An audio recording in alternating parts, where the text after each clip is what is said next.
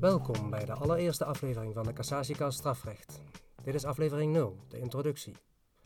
Mijn naam is Dirk Dame. Ik woon en werk in Maastricht. En vanuit de diepe, maar gelukkig meestal ook zonnige zuiden, ga ik voor jou samenvatten wat er zo'n 200 kilometer verderop in Den Haag is beslist door de hoogste strafrechters van Nederland. Dit is als gezegd aflevering 0.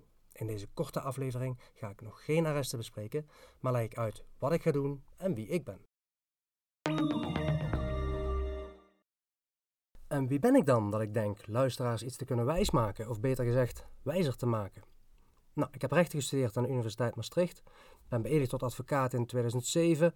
Toen werkte ik bij de Maastrichtse vestiging van Moskowitz Advocaten en in 2012 ben ik mijn eigen kantoor gestart. Vanaf het begin houd ik me bezig met strafrecht en daarbij heb ik ook een focus op cassatieprocedures.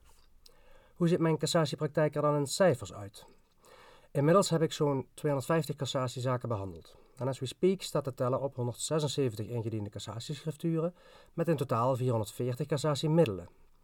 In 164 zaken heeft de Hoge Raad inmiddels uitspraak gedaan en van die 164 arresten hebben er 22 de NJ gehaald, waarvan 11 met een annotatie daarbij. En als je het interesseert, kun je op de website van mijn kantoor de complete lijst vinden met arresten die ik heb uitgelokt. Dat is damen-advocaten.nl. Of kijk op cassatiestrafrecht.nl en dat is weer zonder streepje ertussen. Ik ben als gezegd cassatieadvocaat en ik heb dus geen band met de Hoge Raad. Deze podcast maak ik dan ook op persoonlijke titel. Dan wordt het tijd om het te hebben over de opzet van deze podcast. Doelgroep is iedereen die beroepsmatig met het strafrecht te maken heeft en belangstelling heeft voor de actuele rechtspraak van de Hoge Raad. Dat kunnen dus rechters, advocaten, OM'ers zijn, maar ook wetenschappers en rechtenstudenten.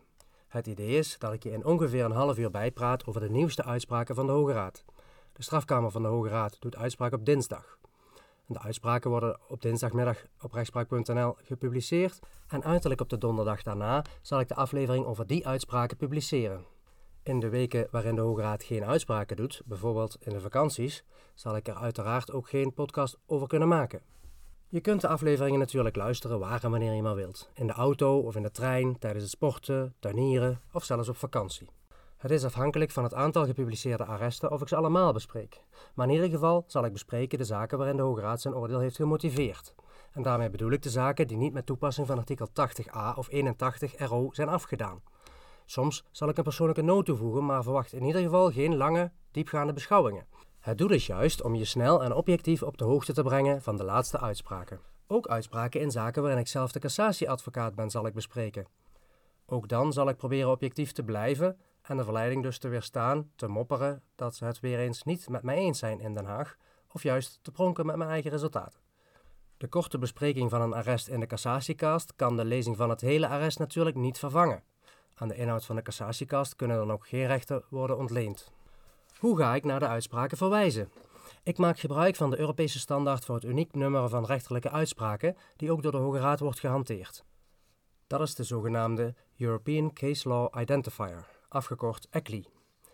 Een ECLI is altijd op dezelfde manier opgebouwd. Het zijn vijf elementen die van elkaar worden gescheiden door een dubbele punt.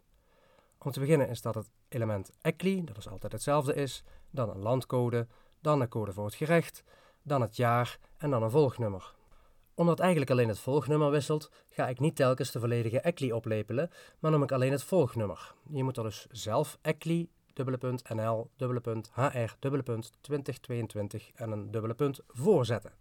In de show notes op de website cassatiecast.nl zet ik alle besproken uitspraken onder elkaar. Natuurlijk zet ik daar de volledige ECLI bij en een link naar de uitspraak op rechtspraak.nl.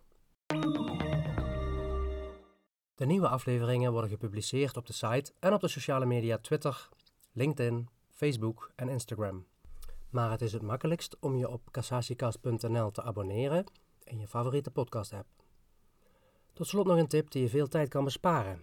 In de meeste podcast-apps, in elk geval in Spotify, kun je een podcast afspelen op hogere snelheid. Je kunt er bijvoorbeeld voor kiezen om een aflevering op dubbele snelheid af te spelen.